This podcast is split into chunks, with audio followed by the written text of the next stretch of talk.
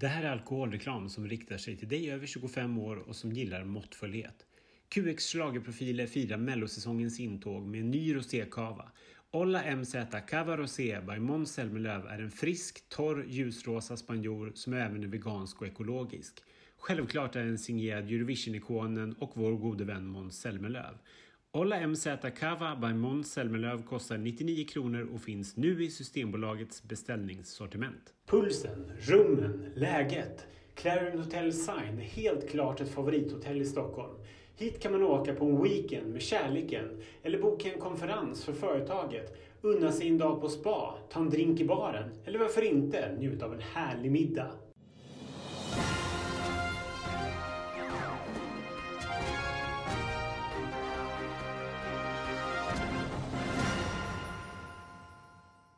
Hej allihopa och välkomna till QX Schlagerprofilernas podcast som nu går in på vecka fyra och avsnitt fyra Melodifestival och Eurovision-säsongen 2022.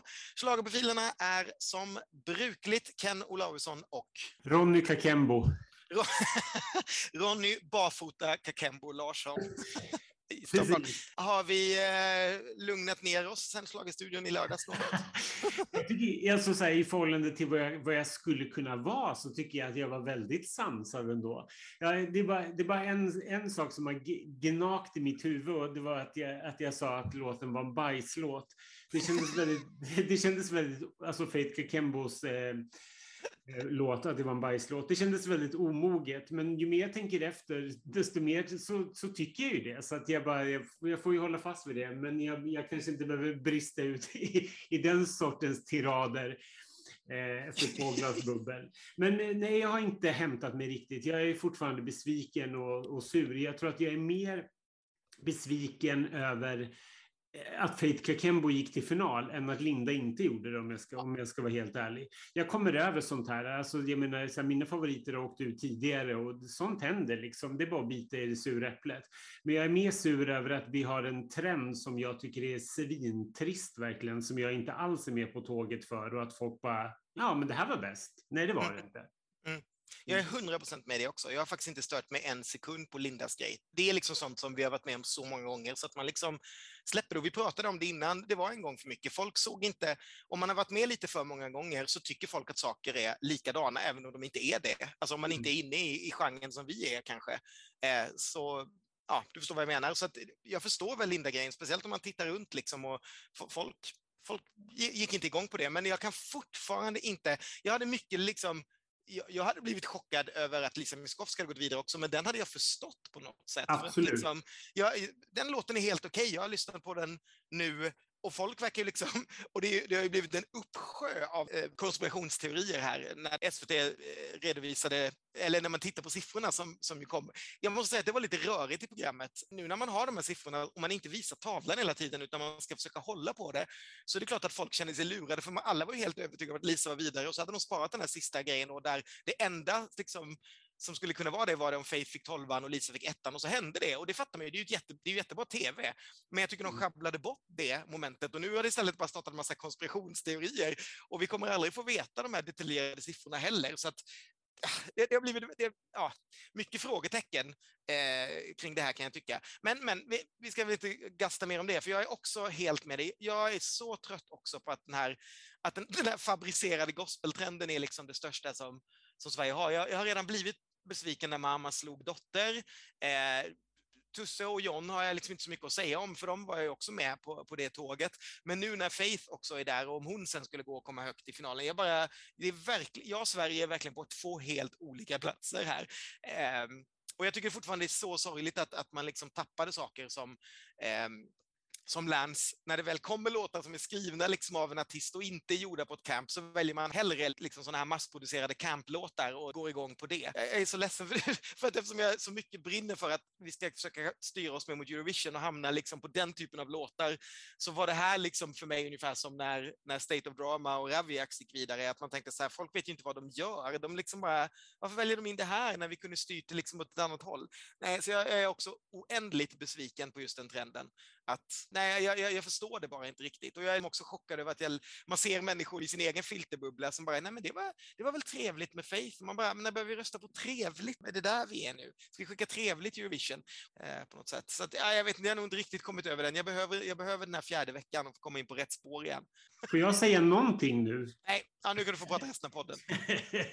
Herregud, det här var någon som hade mycket uppdämt inom sig. Ja, gud. Gud. Ja. Men jag, jag, måste bara, jag vill ändå backa tillbaka till den där omröstningsgrejen. Att jag, jag tycker inte att den är så ologisk ändå. Det är liksom inte så här Lina Hedlund Eurovision 2019, att man har kastat om siffrorna. Nej, nej, nej. Det kan ju liksom inte ha hänt, för jag menar, på ett sätt och vis är det ju lika orimligt att Faith skulle ha fått en etta när hon ja, ja höga poäng. Så att jag, det, där, jag, jag, det, det, stämmer säkert. Jag tycker bara att det är konstigt. Liksom. Eh, och jag håller helt med dig om, om, att man sjabblade bort det. Och där vill jag få, få, ha mycket, mycket mer fokus från Oscar och inte att folk håller på och babblar i hans öra hela tiden, för han verkar bli jättestörd av det. Ta det sakligt och lugnt så att det blir liksom ordentligt gjort. Det här är ett jättebra moment. Eller babbla bara i hans öra, för om det nu är att det sitter någon i ett kontrollrum och har siffrorna och slänger om de här för att det ska bli så spännande som möjligt, ge inte grabben några kort innan då som ligger i någon annan ordning, för jag tror fan att han blir förvirrad på det. Mm. Släpp korten. Låt mm. honom bara säga, nu är det gruppen, och så säger någon gruppen i örat, och tolvan har gått till, och så säger någon det i örat. Det kan inte vara så himla svårt. Då behöver han inte liksom repeterat in någon annan ordning eller ha någon sorts, varför ska han ha kort här? Han ska mm. bara säga två saker, åldersgruppen och det, och kan de bara lägga ut i örat på honom så behöver inte han göra någonting mer. Nej, det där tycker jag var så. Och det, och det är det som skapar konspirationsteorier. Jag tror inte heller att det är något som är fel. För jag menar, vi, vi gjorde ju de här grejerna för att vi hoppades att det skulle vara så här. Att vissa grupper skulle ge ett till en låt som någon annan grupp ger tio till och så vidare. Att det skulle vara fram och tillbaka. Jag är nog snarare mer chockad över att Faith fick högt i alla åldersgrupper. Det är en mycket mer chock för mig än att, att Lisa fick lägst igen. För det, det tycker jag inte är så konstigt. Den försvann väl rakt igenom om man var mellan 16 och whatever. Det är väl inte mm. konstigt? Är det jättekonstigt? Jag fattar inte alls hur liksom så här, de, en yngre åldersgrupp tycker att Faith Kakembo var the shit. Liksom. Men jag vet inte, det var väl som du var inne på, liksom, att det, det, är ett nummer, det händer mycket. Det kommer in en kör och dansar runt henne och mm. effektfullt. Liksom, och man bara, ja men det här känns lite grann som Tusse-numret förra året. Och så, och så röstar folk av bara farten, liksom, för att det inte mm. kanske fanns några andra alternativ. Däremot är jag, här, jag måste säga att jag är jätteförvånad över att eh, Lancelot föll igenom så hårt. Alltså att han skulle placera sig sexa. Hade någon sagt när, jag liksom, när, när den här veckan började att han skulle sluta på en sjätteplats och Faith skulle gå till final, då hade jag sagt så här, men vad har du rökt på för någonting? Det är liksom inte möjligt i min värld. Och jag tycker fortfarande liksom att det är en så pass bra låt så den ska vara bland de fyra, punkt slut. Liksom. Hur tråkigt framträdandet än är. Det var inte så, så att han var unlikable i, i rutan. Liksom. Det var bara ganska tråkigt. Men låten kände jag bara, alla som har hört den innan var ju bara, men det här är så bra. Mm. Jag, och jag tycker fortfarande att det är konstigt, för varje gång jag lyssnar på den så jag kan inte förstå att folk inte liksom går igång på det. Det är ju det som ligger på listorna. Det är det som, och du pratar inte bara Spotify, där det, där det är stort, men det är ju sånt som ligger på Svensktoppen också, om man ska ta en helt annan lista, liksom, där, där folk... Alltså, jag, så, så konstigt att den låten bara föll igenom. Jag håller med dig. Nej, det kanske inte var finalmaterial som vi trodde i början på veckan när man såg hur numret blev. Mm. Men jag kan inte fatta vad som hände. Nej, mycket, mycket konstig lördag. Eh, ja, jättekonstig lördag. Det, det enda som så stämde, det var ju liksom Bagge i toppen och Rocken i botten. Allting däremellan var ju bara så här, men jaha, okej. Okay. Och sen så är vi såklart jätteglada för att Cassiopeia funkade och gick till eh, semifinal med tanke på att både du och jag gillar den och hon känns som liksom ett kul picknamn som fick göra lite eh, succé i, Melodifestivalen och gärna få vara med kommande år med, med någon annan år. Mm, håller med helt och eh, pratade lite med henne på, på den här efterfesten som kanske var en av de mest avslagna tillställningarna vi har varit på. Men eh, hon var ju också väldigt glad och världens trevlig, trevligaste person, vilket också alltid är härligt så här, när man inte har träffat någon alls innan och tycker om så mycket det de gör. Så det var jätte, jättetrevligt. Um, ja, nej, jag vet inte riktigt om vi ska säga något mer. Jag vet inte, säga något mer om den där efterfesten. Den var lite lam. Det är ju liksom inte något riktigt, men det kändes som att, som att alla rikt, kände att det här gick ju inte som vi trodde. det var liksom lite den känslan över hela grejen. Ja, men, nej, men det, var, det, var, det var väldigt liksom så här, lite, lite häng med, med, med besvikna människor. och, och, väldigt få glada och en Faith som stod i baren och bara, ah, nej men nu, det är midnatt, nu är det dags att gå upp och lägga sig. Man bara, ah, vilken... och då hade Bagge redan gått och lagt sig, vill jag säga. Så att det var, finalisterna var ju inte kanske the party people heller, om man säger så. Utan de som festade mest av rockbandet som var Pride Friday, som var kvar på dansgolvet sist, tror jag. så att, ja. Det var ganska kul ändå att hänga. Jag tycker att det är kul att knyta ihop säcken tillsammans med dig, Anders och Elin och, och massor med mellomänniskor från olika läger. Och det är ju faktiskt väldigt kul ändå att vi kan skratta åt våra tippningar och våra åsikter tillsammans med skivbolagsmänniskor från bolag som har låtar som vi inte alls tycker är speciellt bra. Och att, vi, att vi har väldigt kul med dem. Det är ändå en väldigt härlig bubbla måste jag säga. Det är inga sura miner, vilket jag tycker är jätteskönt. Nej, nej, absolut. Det tycker jag också är jätteskönt. Man har slängt iväg en etta två veckor i rad till samma låtskrivare och den personen ändå kommer fram och bara skrattar, liksom, inte på ett rått sätt. Det, jag tycker det är jättehärligt. Folk är väldigt, väldigt trevliga i den här, eh, i den här bubblan. Så att, ja, nej, det, det är jätteskönt. Och folk är också väldigt så här, det, det, är väldigt lite att man tycker så här, haha, det gick inte så bra för dig. Liksom. Det, det, den finns ju inte, utan folk är väldigt liksom, respektfulla tycker jag mot varandra, vilket känns härligt. I alla fall vad jag märker, åtminstone. Nej, precis. En av de finaste sakerna som hände under helgen var ändå att jag i lördags natt slash kväll eh, klämde iväg ett mest till Linda Bengtzing efter att hon hade åkt ut. Jag ville bara höra av mig och dela min besvikelse liksom. Och det var inte så argt, utan det var ganska Ja, men det var, det var, det var ganska fint liksom och, och, jag ville peppa henne. Och det var jättegulligt att hon, att hon skrev ett inlägg dagen efter på sin Insta där hon hänvisade till det och att hon hade blivit väldigt glad för att det kom i liksom rätt tid under, under natten eller under kvällen och att hon hade vaknat till det här. Så det, det gjorde mig verkligen varm. Det knöt ihop säcken på något sätt från att jag gjorde min allra första deltävling eh, någonsin 2005 i Göteborg då hon tävlade med alla flickor. Eh, och fram till nu. Så. Tills Lindas allra sista deltävling. Ja, vilket, vilket det mycket väl kan vara och vilket det är mycket förståeligt. Liksom. För jag ja, ja. så här, vad ska hon göra? För det här tyckte jag på något sätt var en perfekt hybrid av det som hon har tävlat med tidigare, men ändå lite uppdaterat. Och jag, jag tycker liksom inte att så här, nej, men det finns ju ingen, det, då finns det inget mer att göra. Tyvärr nej. alltså. Nej, så är det. Ja. Ja, på tal om säckar, ska vi knyta ihop den här säcken då och öppna en ny säck? vecka, vecka fyra-säcken. Vecka fyra-säcken, och som, där vi ska släppa ut de tävlande små råttorna i, i arena. De kan springa åt varsitt håll och så må sämsta låt vinna. må, må barfota kvinna vinna. Barfota alla skrattade åt det där, att vi skickade iväg tre barfota finalister en varje vecka och att alla bara gick och sa så här att deras artister skulle vara barfota nästa vecka. Så det, det är ju rätt intressant om någon, hur, det, hur det där kommer att gå. Um, det är alltid svårt så att prata lite innan. Vad, vad ska vi ta upp? Har du, har du någon tråd vi kan fiska upp och säga någonting om? om ja, den, den, största tråden är väl att, eh, att det, alltså fyran är ju ett riktigt getingbo. Jag har ju hört en del låtar. Jag tycker att det, jag tycker att det är väldigt bra låtar, så jag, jag har väldigt svårt att plocka bort någon. Um, och sen på pappret är det ju flera favoriter som är, har ganska låga odds. Klara Hammarström har ju haft väldigt låga odds sen ända sedan artisterna liksom avslöjades och hon fick startnummer 28. Sen är det Angelino som folk inte vet så mycket om, men som också har väldigt låga odds att ta sig vidare.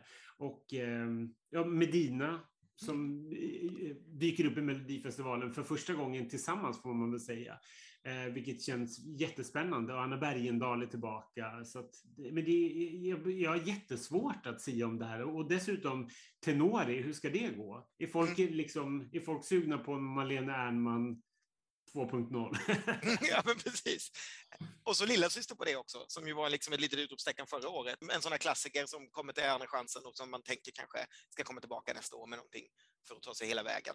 Eh, sådär. Så det är egentligen bara Malin Kristin som inte vet speciellt mycket mer om... Från, från lilla syster till Victorias syster. Är hon lilla syster eller är hon stora syster? Det är en jätterolig övergång. Det vet jag inte. Det enda jag vill veta är, är hon barfota? tycker att det är jättesvårt att, att, liksom, här, att gissa på pappret, för jag har ingen aning. Det kan verkligen gå hur som helst. Jag menar, Anna Bergendahl har ju gått bra de, de, de gånger hon har nu varit med i, i Melodifestivalen, så hon är ju ett tungt namn i sammanhanget. Liksom. Och Klara har det ju bara gått bättre och bättre för.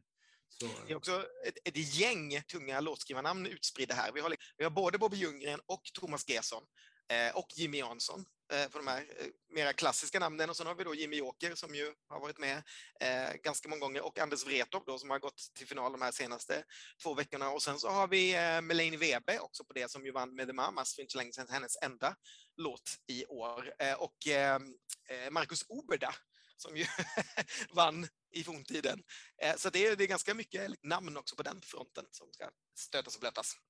Ja, men verkligen. Men det, jag tycker det ska bli jättespännande. Jag är, jag är väldigt, väldigt pepp på det här. Liksom. För här känner jag ändå att så här, men här kan det inte gå fel. Här, eller, det kan gå fel, men det kan inte gå katastrofalt fel. Till på lördag på, på Anders toalett där, vi, där jag sitter och svär och kallar, kallar Anna Bergendahls låt för en bajslåt.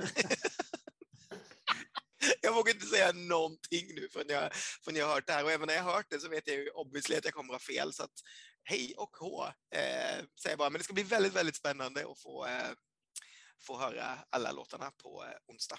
Ja. Det blir väldigt kul. Jag vill, jag, vill bara in, jag vill ha in lite nya röster bara. Jag blir helt stressad av det här att det är bara liksom du och jag och, och eh, Anders och Elaine och, och Aftonbladets Markus Larsson som liksom stöter och blöter allting och eventuellt någon melodifestivalklubbmänniska här och där. Men jag vill liksom ha in något perspektiv. Jag vill, att, jag vill bli förvarnad om en fate-skräll, tack. Jag, jag, kan liksom inte bli det nu när det inte är några liksom publikundersökningar och det är inte jättemycket folk som man, man kan bolla saker med. Man sitter inte sent på kvällarna med massor med olika människor heller och stöter och blöter det här. Nej. Det är så jävla svårt tycker jag. Ja, man blir väldigt inne i sin egen bubbla när det inte liksom, man får någon, någon, form av publikreaktion. Och det är också som vi har sagt innan också, det blir också väldigt olika. Att folk går igång när det kommer publik, vissa personer, medan andra blir rädda för publiken. Vilket gör att det blir en väldig skillnad kanske i hur vi har sett en hel vecka och sen vad som verkligen syns i tv på helt på ett annat sätt än när, när vi ändå hade publikrep, eh, mm. flera stycken. Så att, eh, ja. Jag, jag, vet i alla fall att jag inte ska tippa en ballad till final. För, det, för efter, efter vår miss där med Samira Manners och eh, Lans i helgen så kände jag att nej, men nu kommer jag gå på ett helt annat spår. Då har du ju ändå Angelino där väl, som är en ballad som ja, ligger lågt i odds och som har Melanie Webe och eh, Only Teardrops låtskrivaren Thomas Stengard bakom sig. Men eh, inte ens som Angelina är barfota. Så. Nej, stenrökt. Det blir, det blir sexa.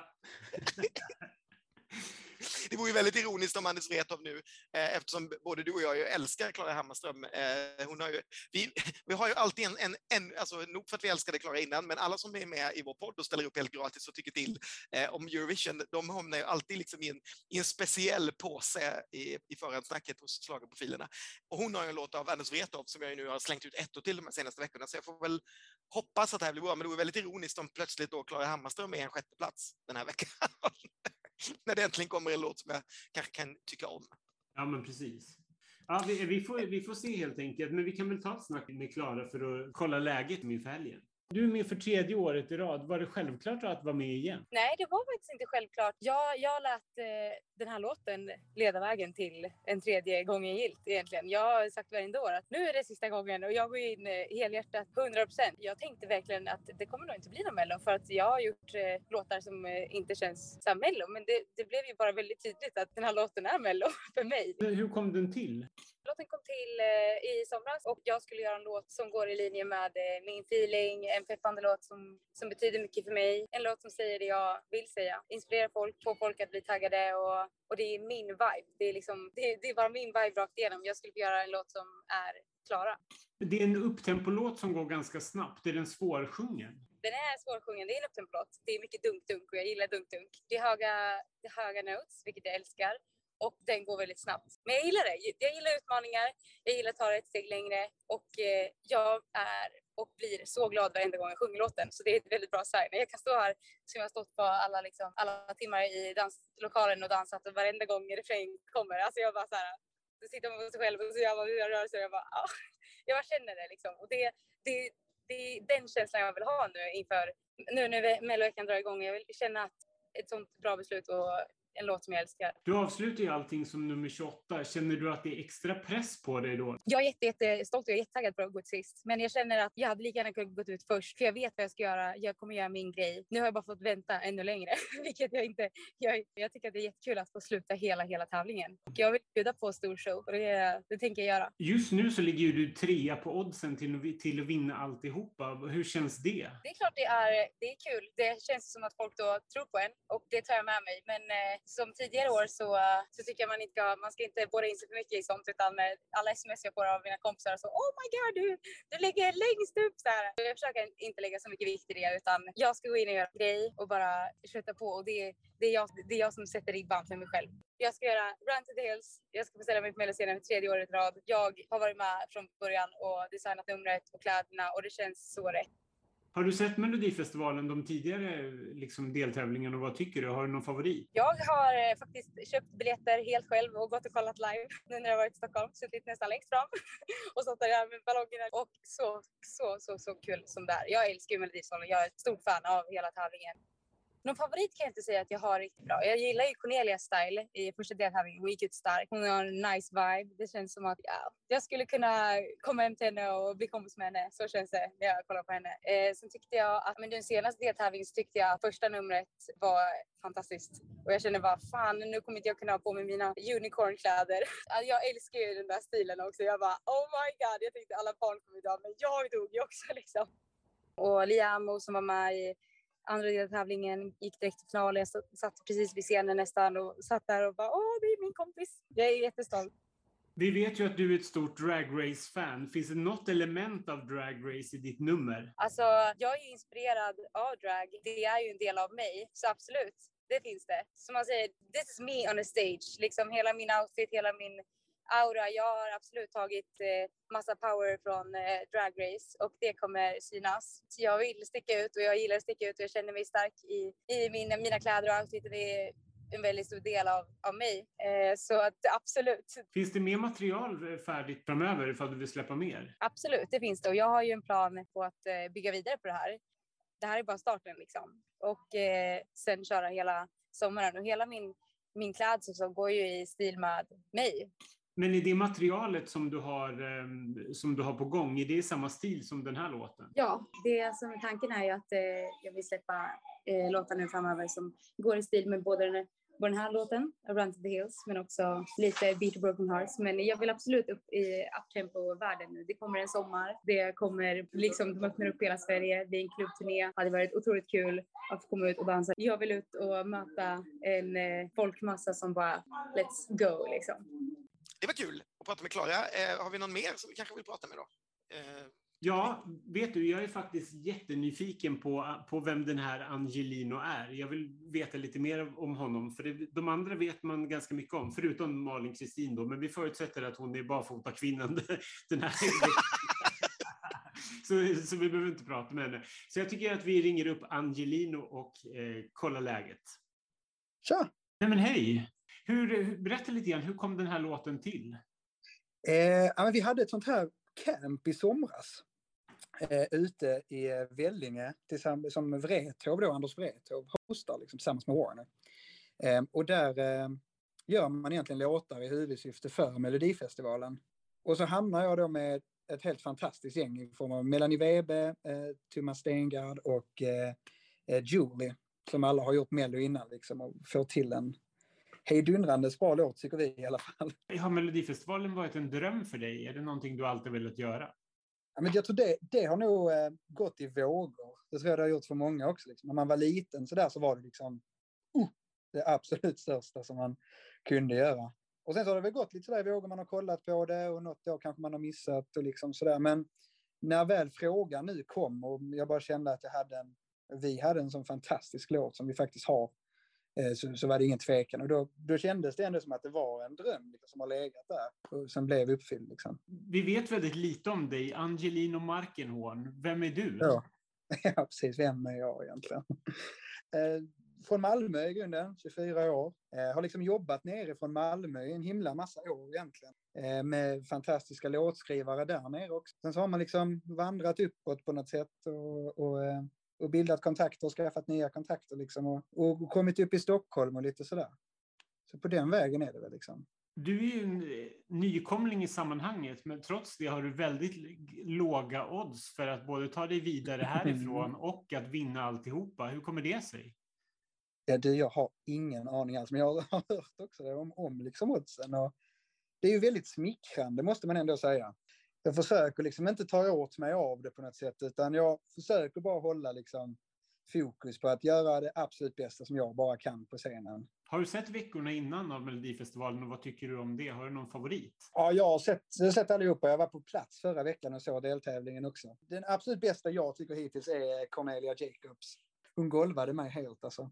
Fantastisk. Har du mer material på gång efter, efter den här singeln? Ja, men det har vi. Vi har en rätt bra batch med låtar nu känner jag. Vi har jobbat på rätt hårt under hela hösten och vintern nu för att inte stå tomhänta liksom efter Mello, att man ändå har någonting i bagaget där. Och det, det känner jag nu att vi har.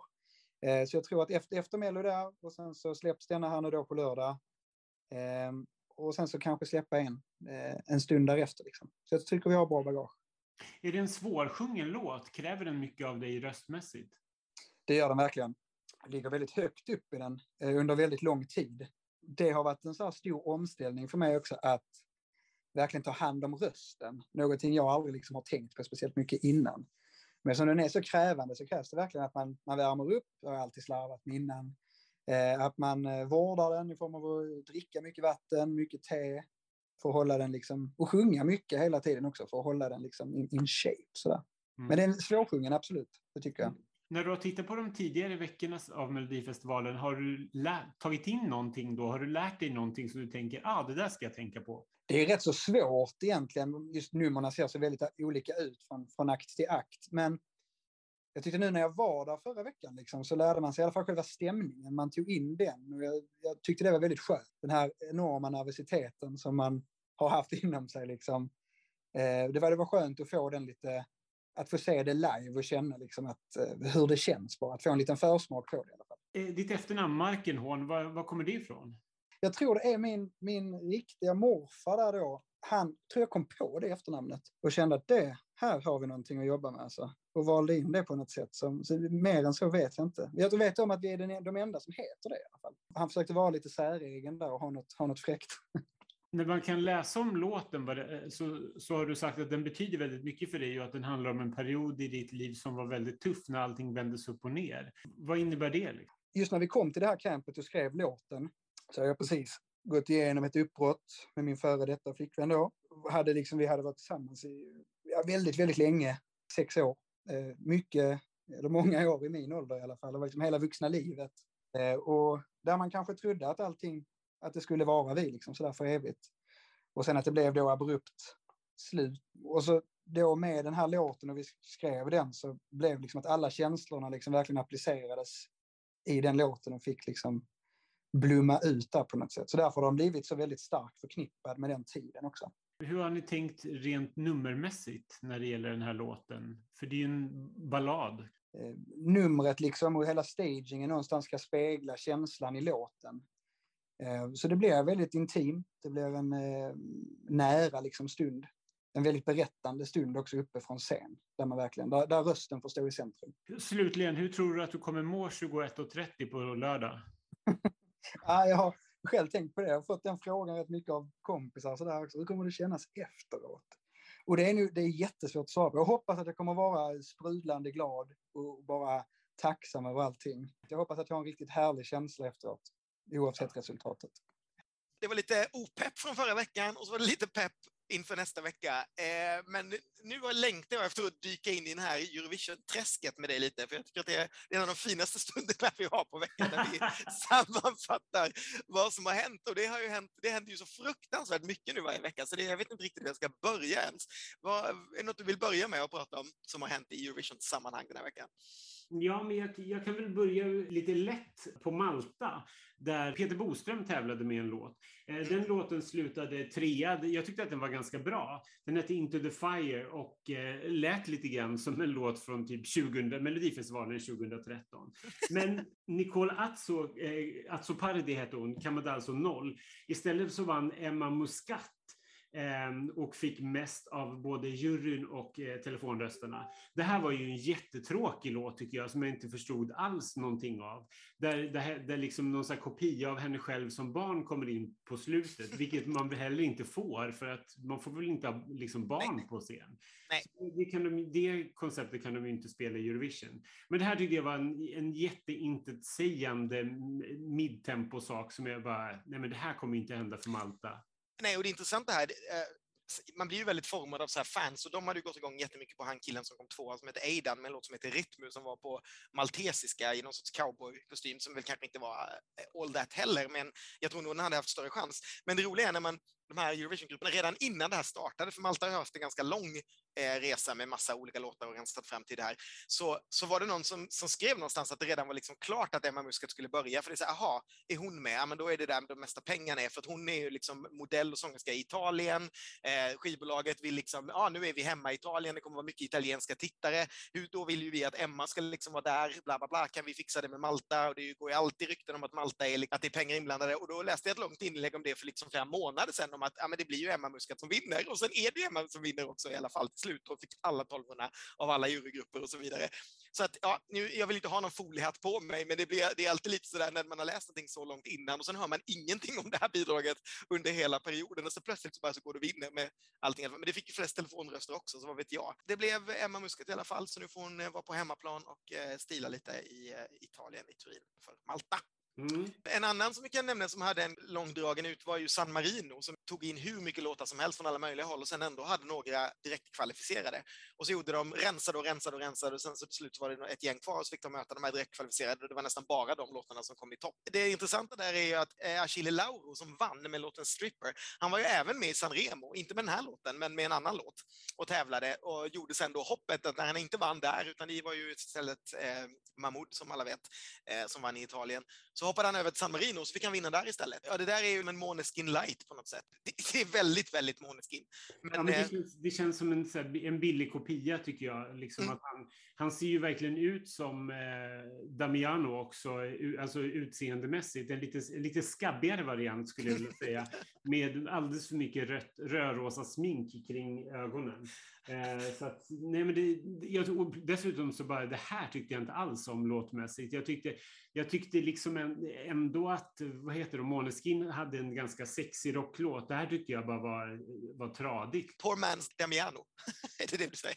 Precis. Jag hajade mest till över att eh, Alexander Bard-favoriten Susanne Georgi från Andorra 2009 dök upp i, i den här juryn som bestämde vem som skulle vinna. Sen, eh, bara lite snabbt kan vi väl också nämna att ehm, Slovenien valde sin låt som heter Disco, som är någon sorts funklåt jag aldrig, aldrig mer vill höra, så jag tänker inte ens eh, nämna den så mycket mer om inte du har någonting att säga om den. Nej, alltså jag hatar den där. Jag tycker den är vedervärdig. Funk, funk, funk, funk.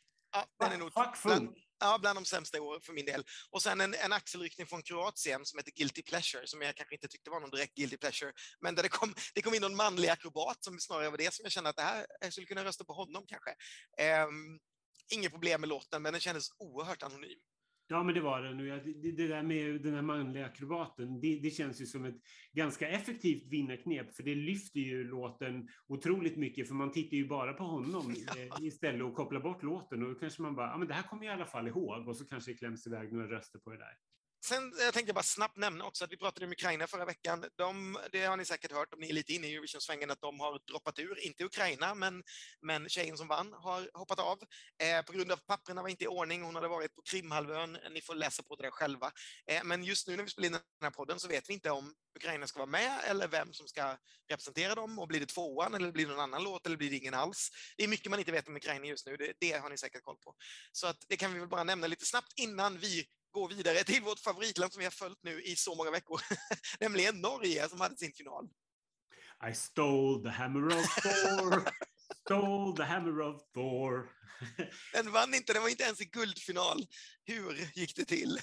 Jag vet, jag vet inte hur det gick till. Alltså gud vilken urtråkig final de hade och dessutom att de, att de lyckades plocka vidare två låtar. Nu visste vi ju att en av de här skulle vara den här eh, guldfinalen och, och alltså den låten som vann, det, vi, det vet ni väl alla vid det här laget, det var Subwoofer. Um, Och med, men, men jag såg lite grann på siffrorna. Jag trodde att de skulle vinna mycket större än vad de gjorde. De vann alltså i guldfinalen 368 000 röster mot 312 som två Northkid då hade. Eh, med låten Someone. Ehm, men Tix hade 380 000 röster jämfört med Keynos 281 000. Så det var ju större glapp mellan Tix och Keyno som många mm. kanske uppfattade som en ganska jämn match på något sätt. Ja. Eh, jämfört med det här som jag trodde skulle vinna mycket större. Jag håller med helt. Ja, jag vet inte vad jag ska säga. Alltså, I min värld så var ju det det enda de hade som liksom stack ut. Subwolf. Jag, jag ska inte säga att jag, jag, tycker att det där är den, den bästa eller roligaste låten någonsin, men jag tror ju att den kan gå väldigt bra. Det, här, det är ju det är ju en låt som alla lägger, kommer lägga märke till. Det är ju definitivt en låt som kommer ta dem till final och som har liksom chans att komma rätt högt för att den står ut just för att de är utklädda till de här vargarna. Det är ändå en upptempolåt, och den har en ganska, ja men den är ju ganska catchy i, liksom, i, sin, i sin värld. Jag trodde jag väl kanske Elise Bay skulle vara den som skulle möta eh, dem i finalen och inte Northkid. Men vad vet jag om Norge? Jag förstod ju ingenting på hela resan dit ändå. Och vad hände med Hammer of Thor? Den åkte ut med diskvattnet. men, men det är ju en klassiker som vi kommer spela om och om igen om vi får chansen att DJa nere i Turin. Faktum är att nu när vi spelar in den här podden precis så kommer det uppgifter om vilka som är så här Wolfer är det sant? Ja, det är sant. mycket, mycket spännande. Det, det, men det som är mest spännande är väl att det inte är Ylvis som alla har trott, utan eh, det är också väldigt roligt att, att, VG, det är väl liksom motsvarigheten till Aftonbladet i Norge, eh, mm. eller i alla fall deras systertidning. De har idag bevakat eh, parkeringsplatsen där de ska spela in videon som de sen ska skicka då till Eurovision och EBU. Och då har de listat ut att bilnumret på två av bilarna tillhör eh, dels en kille som heter Gaute Ormåsen och en kille som heter Ben Adams. Och Ben Adams var med i A1, eh, vad jag vet. Och den andra killen tror jag är någon sorts idol vinnare eller något. Jag har faktiskt inte hunnit läsa igenom artikeln ens, den kom nu. Jag känner igen hans namn, för han har ju varit med och tävlat i Melodi Grand Prix vid flera tillfällen tidigare. Eh, I alla fall två tror jag. Så att, eh, han är ju liksom ett bekant schlagernamn. Det är ungefär som att Dennis Saucedo och Amit Paul. det har vi ett uppslag till nästa år om de vill göra det. Ja, nej, men då är det i alla fall de om det inte är så att de har varit ännu klurigare och tänkt ett steg längre och parkerat någon annans bil där, men det är väl väldigt långsökt. Man kan väl misstänka att det är de då. Eh, men det skulle ju också faktiskt kunna vara så, jag tycker fortfarande att låten låter Ylvis. Det kan ju faktiskt vara så att det är Ylvis som har gjort låten och sen tagit in två andra personer som sjunger den, för låtskrivarna vet vi inte heller till det här. Eller det är ju, det är ju också Subwoolfer, men det behöver inte betyda att det är det. De, de, de kallar sig ju två namn, typ de namnen de sjunger om i låten. Nu kommer jag ihåg Keith och någonting mer det är låtskrivarna. Liksom. Så att det skulle kunna vara olika personer. Så det, alla de här som man har misstänkt skulle kunna vara inblandade också. Kan man. Precis. Gauta Ormåsen, född 1983 i Brummedal, Hedmark. Ja, han, har varit, han har varit med två gånger tidigare, 2010 och 2013, men eh, det, det gick tydligen inte så bra. Det står redan på hans Wikipedia att, han är, att han, det ryktas att han är en av medlemmarna i Subwoolfer ja, vad härligt. Då eh, lägger vi det och så får vi följa utvecklingen eh, av de här vargarna när vi kommer till eh, Turin och se hur det blir. Då stoppar vi Norge i en liten påse och så tar vi väl det sista landet som vi inte har nämnt som eh, hade sin uttagning i helgen och som faktiskt rusade upp en bra bit på oddslistorna. Eh, inte så att de slog Italien, men ändå eh, väldigt högt upp och det var Polen. Ja, just det. Ja, men, det tyckte jag var lite kul. Jag tycker om den här låten. Jag tycker den är, är faktiskt helt okej. Okay. Eh, till skillnad från mycket annat som har tagits ut. Jag håller med. Den är ju lite arcade, måste jag ge den. Och jag kanske inte är riktigt superkompis med när han går väldigt högt upp i tonerna så det nästan blir lite så opera. Det är lite onödigt. Men han är ju en väldigt duktig sångare. Han är ganska snygg. Eh, och låten är ju Ja, men det är en bra låt, tycker jag. Det är en riktigt bra låt. Så kul för Polen. Jag vill ju inte i, någonstans i min kropp åka till Polen. Eh, för homofobländer orkar jag inte åka till eh, för Eurovision. Men eh, kul för Polen ändå efter det där fiaskot förra året. Ja, men det, det, tycker jag också. Eh, det är ju lite kul att han har blivit coachad i The Voice där han var med eh, den elfte omgången i Polen. Då blev han coachad av Michael Spack som tävlade mm. för Polen som det gick, gick så bra för när, i Stockholm. Eh, så det är ju faktiskt lite roligt. Sen läste jag någonstans i något forum att, att det var någon, någon som hade kallat honom för Primark Duncan Lawrence. Gud, San Marino har Primark, Damiano och de här har Primark. Duncan Lawrence. Jätteroligt. Och skickar vi Fate, då har vi Primark Tusse. Eller så skickar vi Bagge och så har vi Primark Sobral. en, en annan grej i Polen som jag vill nämna är ju att det fanns en låt där eh, som hade två svenska låtskrivare som sjöngs av eh, Lydia Kopania som faktiskt var, som representerade Polen i Ryssland 2009. Eh, och, och, hon gjorde någonting jättekonstigt. Om ni tittar på henne på Youtube, hennes låt hette Why Does It Hurt? Så Alltså det, det, är som att hon är drogad eller kommer så av sig eller är i någon sorts maniskt tillstånd paniktillstånd, för hon sjunger, man märker att hon sjunger en helt annan låt. Det är liksom inte den texten, det är liksom hon bara flummar omkring. Det, det är bland det konstigaste jag någonsin sett och låtskrivaren gick dessutom ut och typ skällde ut henne och tog avstånd från alltihopa dagen efter och sa att hon hade liksom gjort en annan låt än den de skrev till henne. Och så här, mycket, mycket Melodropa. Och hon åkte ju också eh, ut och gick inte vidare till andra omgången och bla bla bla, där sen då River vann med eh, Ockman, så vet att han hette det. Ja, precis. Christian Ockman. Jag slänger bara in en liten grej där.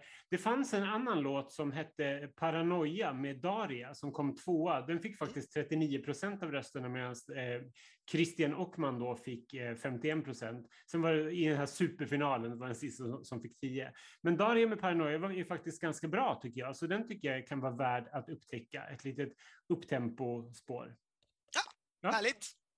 Men eh, lycka till Polen och lycka till Norge, säger vi ser nog mycket, mycket, mycket mer framåt mot Finland som är nästa vecka. Det tycker jag ska bli jättespännande för där finns det lite bra låtar och framför allt måste jag ju avslöja då Frankrike som ju släppte sina låtar i veckan och som har en låt som jag tycker är fantastisk och som kanske till och med skulle kunna vinna, som jag vet att du också delar min passion för. Är det låten Seoul?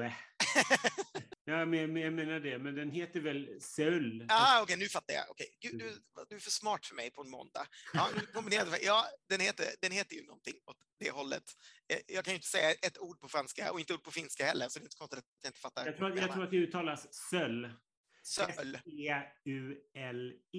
Eh, och gruppen eller duon som ligger bakom den heter SOA. Det vet jag inte hur det uttalas. Men sök upp den om ni vill lyssna på någonting riktigt bra som båda, båda schlagerprofilerna tycker om. Mm, och jag vet inte så mycket om dem och när man tittar på Spotify som jag så finns det bara två låtar. Eh, en singel som är släppt innan eh, och har typ 10 000 streams. och sen så den här då som är släppt. Så det verkar rätt häftigt för jag tycker de, de känns ja, men de känns fräscha. Det känns, ja, nu vet vi inte alls om det kommer vinna i Frankrike, men jag, jag säger här och nu redan att om de vinner så kommer de hos mig vara en stor favorit till att vinna i, eh, i Eurovision och möjligtvis så skulle jag vilja just nu sätta mina skor på att det kanske kan bli så också. De känns som att Frankrike är, är på gång och kan man hitta någonting som är så här liksom eh, lättillgängligt men ändå nu så tror mm. jag att man har någonting på spåren.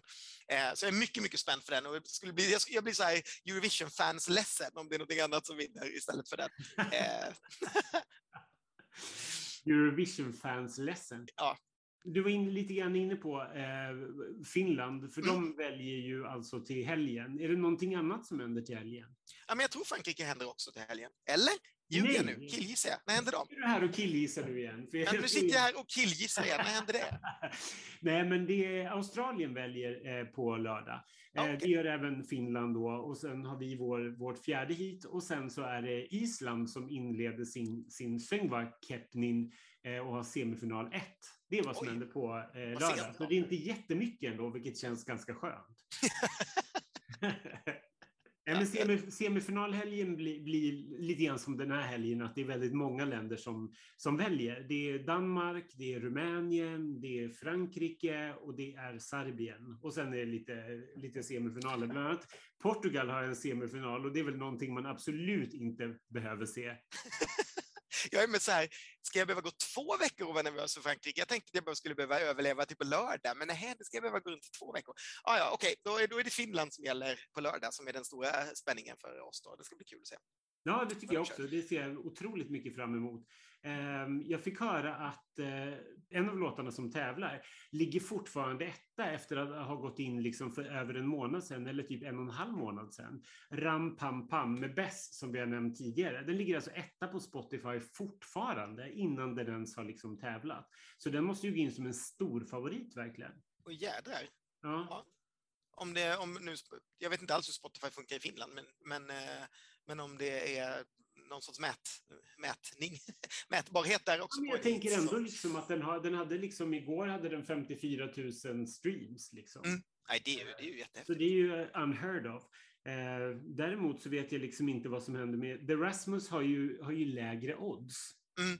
Eh, vilket jag tycker är lite konstigt ändå. Ska, ska man liksom kasta bort en jättehit innan man har sett det på scen innan? Och så ska och så ska det här gamla rockbandet Nej, det- Det är, väl, det är väl för att man, man kanske är ganska van vid att, Finland brukar göra så. De har kastat bort stora hits innan, så det är väl kanske det som oddsmakarna tänker att det liksom gäller. Men jag tänker mest att då, då borde man ju kunna slänga in lite pengar på Finland. Om det nu är så att Rasmus har så låga odds så kanske Ram Pam Pam kanske kan eh, generera lite då. Det är ju helt klart min favorit Finland. för, för, för tittar jag liksom på Spotify i Finland, då ligger till exempel, till, till exempel en, av, en annan låt, Sun Numero, med Young Hearted på 14 plats. Den är ju också med och tävlar, liksom. men Rasmus, den syns inte ens till på topp 50. Okej, var det alles idag? Har vi någonting mer att säga? Du, jag, jag, jag måste ju fråga, är du nöjd så här långt? Nu är ju tre eh, deltävlingar avklarade. Vi, vi är ju inte nöjda resultatmässigt. Det, det är vi ju inte. Det kan vi väl inte säga. Det är ingen katastrof, men det är ju inte, det är inte en jättekul final än så länge. Liksom. Det är verkligen inte en jättekul final och jag tycker inte att det är ett jättekul år. Jag tycker inte att det finns något riktigt dåligt, men det är å andra sidan inte heller ett jättekul Eurovision-år än. Så det Nej. är inte så att det liksom har regnat in hit från hela Europa och vi ligger helt snett, utan vi ligger ungefär där alla ligger. Det känns som att det är ganska förvirrat här och var. Och det är, alltså jag menar, både i mina öron, Cornelia och Liam och hittills, och till och med Anders Bagge har bättre låtar än mycket som redan är skickat till Eurovision.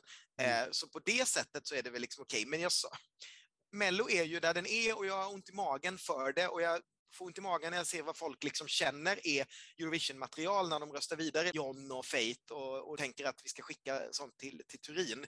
Den musiken är liksom, jag, jag, jag tror inte på den längre, så på det sättet är jag väl inte så nöjd eh, med varken om resultatet eller året. Men jag tycker ändå att det har varit ett trevligt, trevligt år hittills, men jag skulle behöva några mera utropstecken för att få till en kul final, för just nu är det inte, jag kan inte säga att det bara är att jag längtar till finalen. Det är inte jag heller. Jag, jag har nog, en- de senaste åren har jag nog ändå så här bänkat mig framför festivalrepen och känt så här, men det här blir ganska kul.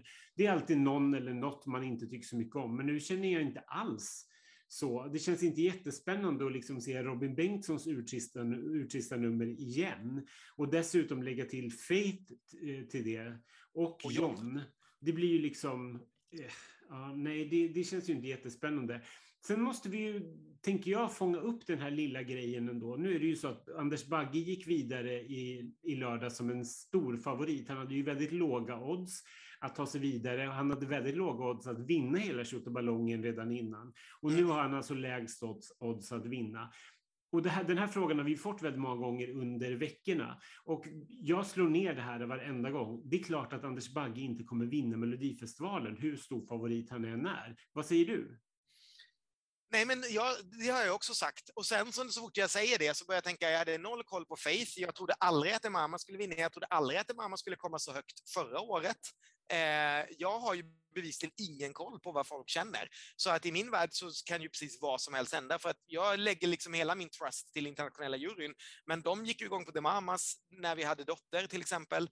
Eh, nej, jag, jag, jag, jag blir mindre och mindre tydlig i det där med att Anders Bagge inte kan vinna. Jag vill tro att det är så, att det kommer bli stoppat och att folk tar sitt förnuft till fånga och att Cornelia fortfarande är liksom en att folk känner att det är mera Eurovision-värdigt, mera liksom att skicka till Turin.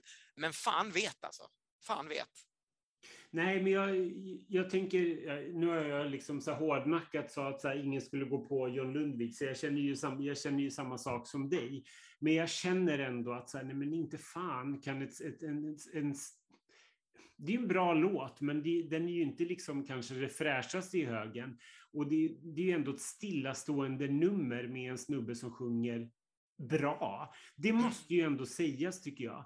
För jag blir så jävla trött på att läsa det här när folk bara, gud han sjunger så fantastiskt, han ska till Turin. Nej, han ska inte till Turin, för grejen är ju fortfarande att han sjunger fantastiskt för att vi vet att han inte är en sångare egentligen och han har blivit känd på ett helt annat sätt, suttit i Idoljuryn. Men att ska han stå, ska han stå på liksom scen i Turin och tveka över tonerna och vända bort ansiktet från micken när han inte klarar av att komma upp i de här höga tonerna? Alltså det funkar ju inte. Nej. Nej, nej, nej. Det där är, det där är, det där är Anna Bergendahl igen. Alltså det, och då pratar jag inte Anna Bergendahl som kommer att dyka upp på lördag, utan Anna Bergendahl 2010-varianten, där vi, man älskade henne sen Idol och hela den grejen och sen kom hon dit och så var alltså hela, det fanns med så mycket, och det var också en bra låt, eh, mm. och hit och dit, men, men det var så mycket bagage i, i det Absolut. när vi valde Anna tillsammans. Liksom. Och det är, det är, exakt samma sak med Bagge. Och det går inte. Alltså, och det, och det, det händer ju det händer ju inte, inte bara i Sverige sådana saker händer, det händer ju jätteofta att länder skickar liksom Eh, den typen av artister där man har relationer och det faller ju alltid platt. Mm. Det är väldigt sällan det liksom händer som det hände med Måneskin då som ju också var ett X-Factor-band till exempel. Men, sen, sen känner ja. jag ändå liksom att det finns ju andra faktorer. Anna Bergendahl när hon tävlade så var det ju ändå så här en liten, liten blond tjej i gympaskor och liksom så här, oavsett vad hon hade för någon, någon bagage så kände jag så här, ja men det kanske skulle kunna, att folk bara tycker så här, men det här var behjärtansvärt och gulligt liksom, det här röstar vi vidare. Eller liksom Tusse som var okänd och många sa så här, men han gick vidare för att han hade en story att berätta. Ja, men han, var, han var ju en imponerande och cool artist med en bra låt dessutom. Bagge är ju bara, en, alltså, han är ju bara en gubbe. Mm. Det är ju det liksom, så vi måste ju se det lite krast också att Europa ska ju bedöma det här och om inte han är en fantastiskt imponerande sångare, då kommer det ju, all, då kommer det ju liksom aldrig hända att vi får röster för något land. Nej. Nej. Nej, så är det. Och det får väl vara vårt jobb att försöka banka in i folk, men inte fan lyssnar de på oss. Nej, jag, vet, nej, jag, vet, men jag känner bara, sprider vi det här vidare till någon som berättar det, som säger det här, samma sak som vi säger nu, till sin mamma så kanske mamman berättar det på jobbet. Och, och sen så sprids det som, som en löpeld. Där folk bara, nej men, ja, men det är ju faktiskt sant. Så bra är det ju faktiskt inte. Jag tycker ni, ska, ni som lyssnar på det här ska sprida den här podden till er mamma och alla som ni har på jobbet. Så kan de lyssna på det här och så, så säger ni att här är de, de här personerna vet vad de pratar om, rösta inte på Anders Bagge. Och med det, sagt så, med det sagt så tycker jag att det var ett jättehärligt ögonblick i lördags när, när Bagge gick vidare. Och, och låten var ju såklart välförtjänt att ta sig vidare, så det är inte det var problemet. Det är bara det att här, ett steg till, dit ska vi inte. Nej, men alltså så här, jag gillar precis allting med det där tills han vinner om man säger så. Jag tycker ja, det är här, men han är ett stort fenomen, det är jätteroligt man har rotat upp honom. Det är en absolut. resa liksom genom Mask Singer som fortsätter här. Det här är en sån stor del av Mello och det är en riktigt bra låt som han har fått. Men låten är ju verkligen så här, det är ett, gam, det är, det är liksom ett gammalt Eurovision nummer för flera år sedan när Eurovision såg ut på ett annat sätt som passar perfekt till avslutningen på den här resan. Men att ställa honom i Turin, alltså han behöver inte det. Det behövs liksom inte, det blir ingen, det blir ingen bra slut på den resan skulle jag gissa. Så att liksom, alltså allting är perfekt tills han kommer tvåa, tycker jag. Eller då, blir det, då är det det perfekta slutet. Då kan jag andas ut och bara säga, det var bra grej, liksom. det var kul. Kommer ni ihåg att Bagge var med och fick en hit med, med den där låten? Men när det börjar bli så här masspsykos och det är liksom 80 procent på Aftonbladet som vill att han ska vinna Melodifestivalen, nej, då, alltså jag kommer ju få flytta till Italien nästa år eller något. Jag åker med det här. Jag, jag, jag flyttar till Malta och styr upp deras uttagning, tänker jag. Det blir, ba, det blir bara 20 stycken Timotej-låtar. Underbart. Nej, men eh, nog, nog om det. Men eh, det, det, finns saker att oroa sig för. Men det ska vi göra framöver. Nu ska vi bara ha kul och så försöker vi glömma vecka tre och bara njuta av vecka fyra. Helt klart. Och hur njuter man bäst till vecka fyra? Jo, med lite Måns Z. Kava. Den övergången som jag fick in där. Ehm, och på tal om det, som av en händelse, så eh, träffade ju faktiskt vi vår eh, lilla sponsor i onsdags och tänkte att vi skulle ta ett snack med honom varför inte han är med i, eller, med, eller så här, vad tänker han göra för att ta sig till Eurovision i år? Eftersom vi har haft honom där i stort sett varje år sedan 2015. Ja, men precis. Det, det, var en väldigt trevlig kväll och det dracks väldigt mycket M, MZ Cava och MZ Cava Rosé. Um, så, men vi, det, det, var ju faktiskt viktigt också att, att vi jobbade lite grann, så vi fick ja. svar på en hel del viktiga frågor. Uh, så vårt lilla snack med Måns uh, det avsl får avsluta programmet, men innan dess så säger vi väl tack. Ja, tack för den här veckan. jag säger inte förlåt till någon. Jag säger inte förlåt till någon. Jag, jag, jag var tvungen att, jag, jag, bara, jag tittade igenom Slagstudion så jag skulle vara tvungen att titta så jag inte hade sagt något otrevligt i, i stundens hetta, men jag tycker ändå att jag la det på, på rätt nivå. Så att jag säger inte förlåt till någon, eh, utan jag säger möjligtvis tack. Och så påminner jag om att eh, på onsdag så kan ni se Slagestudio och läsa både på, eh, i bloggen och på Instagram vad vi tycker om efter första lyssningen. På torsdagen så sitter jag här hemma och skriver om alla repen och då kan ni se det och så blir det en slagerstudio efter det. Och sen på fredag så strålar vi samman igen och gör slagerstudio och tittar på repen live och då i Friends Arena för första gången i år. Men det var det. Eh, inget förlåt, bara ett tack. Jag säger hej då!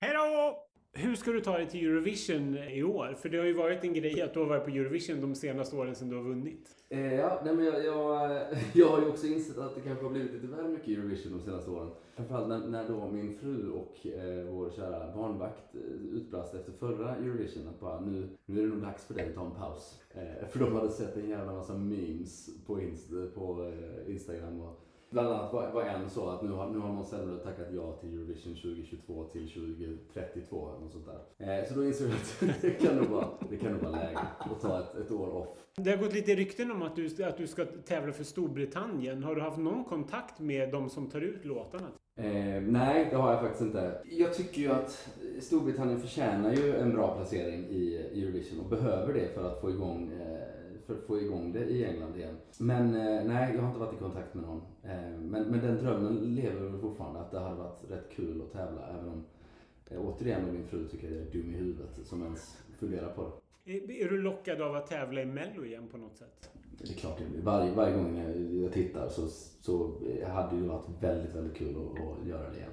Mm. Såklart. Men, men eh, det, finns, ja, det finns ju också mycket att förlora på det. Eh, och har jag, har jag inte låten 1000% så kommer jag inte göra det. Du har ju skrivit tidigare till Melodifestivalen, inte, inte det en väg att gå? Du skrev ju bland annat Hello Goodbye till exempel. Mm, denna succélåt. Ja. Eh, ja, eh, jo, det, alltså det är klart det är en väg att gå. Eh, det, det, skulle väl kanske vara på det, det viset jag liksom tar mig in nästa gång i Eurovision-sammanhang att liksom, eh, jag skriver från ett litet land och eh, får åtminstone sitta i green room. Eh, det vore ju trevligt. Ifall du skulle göra en duett med en artist i Melodifestivalen, vem skulle du välja då? Jag, ty jag tycker ju att Agnes eh, återlansering nu är fantastiskt bra. Och, eh, så Agnes, det hade blivit ett kärt återseende efter MQ-reklamen 2007 också. Ja. Är det någon låt som du, har, som du har tackat nej till som du har fått erbjudande om att vara med i Mello med de senaste åren? Nej, för faktiskt inte. Jag har inte fått eh, någon låt presenterad för mig faktiskt. Så jag är ju död som artist. um, vad, vad, tycker du hittills om i år av det du har sett i Melodifestivalen? Deltävling 1 2. Jag tycker det är som vanligt är det svinkul att kolla och eh, jag tycker att Cornelia var en frisk fläkt i mellosammanhang. Jag tyckte hon var svinbra och eh, kommer definitivt utmana om en seger tror jag. Nej, men jag, jag, jag tycker ändå att ja, det har varit rätt mycket piss i år om vi ska vara helt ärliga. Men, men eh, ändå några, några bra. Um, finns det någon artist som du skulle vilja skriva till till Mello som du tänker, den här skulle vara bra? Ja, jag hade jättegärna skrivit med Cornelia. För hon är ju inte bara en bra artist, hon är en jättebra låtskrivare också. Jag har ju inte skrivit så mycket till andra artister utan mest, det har ju mest handlat om låtar som jag skrivit till mig själv som sen har hamnat på någon annan för att jag inte har tyckt att de passat in. Men det hade varit kul att uh, faktiskt sitta och jobba med någon som ska vara med Mello. Vad har du för förhållande till Heroes idag? Är du dödstrött på den eller tycker du att den är lika kul att köra varje gång du kör den? Jag tycker den, den har inte alls gått samma eh, öde eh, till mötes som, som Karamia. Karamia var ju liksom, den, den blev ju trött på rätt snabbt. Medan Heroes då faktiskt har levt kvar och tycker fortfarande är väldigt kul att köra. Och nu är ju Karamia kul också. Igen. Så det, det går ju lite i perioder. Och Hope and Glory? Hope and Glory, är, den dyker inte upp så ofta. Har du fortfarande kontakt med någon Eurovision-artist som du har träffat under Eurovision? Antingen när du tävlar eller när du har varit med de andra åren? Mm, nej, jag mässade lite med Duncan Lawrence eh, här om månaden. Men det är väl den enda. Var det för att du ville utforska dina bisexuella sidor? Ja, det, det är det alltid. Det är så jag jobbar. När du var med med både Karami och Hope and Glory, fanns det någon annan låt som var aktuell istället för dem som du skulle kunna varit med med istället? Ja, men 2008 sjöng jag ju in Hero, alltså Charlottes låt sen. Mm. Eh, och ville ju tävla med den. Men då fick, fick Charlotte. Vilket var skönt, så här i efterhand. Eh, annars så nej. Nej, jag, jag är rätt så nöjd med mina Melodifestival eh, appearances. När pratade du senast med Kristin Meltzer och Dolph Lundgren? det, var, det var ett tag sedan faktiskt. Eh, tyvärr. Kristin och jag var rätt så tajta efter, efter Mello. Sen har det bara, ja, vi har inte pratat på länge men eh, jag utgår från att om de hade träffats så hade det varit ett kärt återseende. Hur går det till bakom Eurovision-kulisserna, tänker jag, nu när du har varit där de senaste åren ändå och liksom fått en bild av det? Hänger man med varandra och, och får du skamliga förslag av alla bögar backstage? eh, ja, nej, men alltså det, det, man hänger ju väldigt mycket med de delegationer som bor på samma hotell. Ehm, och sen så, ja, det, det är klart att det blir en del skamliga förslag. Eh, framförallt om man går på Euroclub. Där blir det många förslag. Har du någon mellofavorit de senaste åren? Ja, det här är ju en chock. Men jag tyckte ju att vi skulle skickat Erik i fjol. Jag tyckte att det var ett svinbra nummer, bra låt, han gjorde det jättebra. Det stod ut och eh, ja, det är det bästa Erik har gjort. Kommer du fortfarande i Heroes-byxorna? Eh, det tror jag faktiskt att jag skulle göra. Ja. Eh, jag sprang sex kilometer idag, så nu, idag, idag skulle det gå. Hänger de hem, hemma i garderoben? Alltså, Jag vet faktiskt inte vad de är. De var på ABBA-museet ett tag. Är de där fortfarande? Ja, det är de. Okej. Kommer det ny musik? Det kommer ny musik i april eh, och den är väldigt bra i mitt tycke, tycker jag. Eh, men, det, ska bli så jäkla kul i sommar också att komma ut och få spela den musiken. Och lite Karamia såklart, men även den. Och apropå Karamia, varför heter inte det rosa bubblet Cava Mia? Eh, för att det är lite, lite varumärkesproblem där. Eh, det finns nämligen redan en kava som heter Mia. Eh, men men eh, däremot så har vi försökt sälja in det som att den ska heta det i folkmun. Att den, rosékavan ska vara en Cava Okej. Så det var inte Fredrik Kempe som satte käppar i Nej, hjulet? var faktiskt inte. Eh, Varför ska man välja det här rosébubblet framför andra? För att det här är ett väldigt trevligt rosébulle. Det är inte för sött, det är torrt, det är elegant. Om du nu tar en liten sipp så känner du den krämiga, eleganta moussen. Eh, lite så här röda sommarbär, lite rabarber, lite jordgubbar, lite hallon hittar du där. Eh, det är en liten brödighet också. Ja, det är en väldigt, väldigt trevlig rosékaka. Vad är nästa steg i vinsatsningen? Eh, jag är sugen på eh, släppa ett nytt rött vill jag göra. Och kanske även då lämna Spanien med det. Och sen så ett, eh, en riktigt bra stilla rosé. Åh, Rosé Rose. Rosero. Där har du det.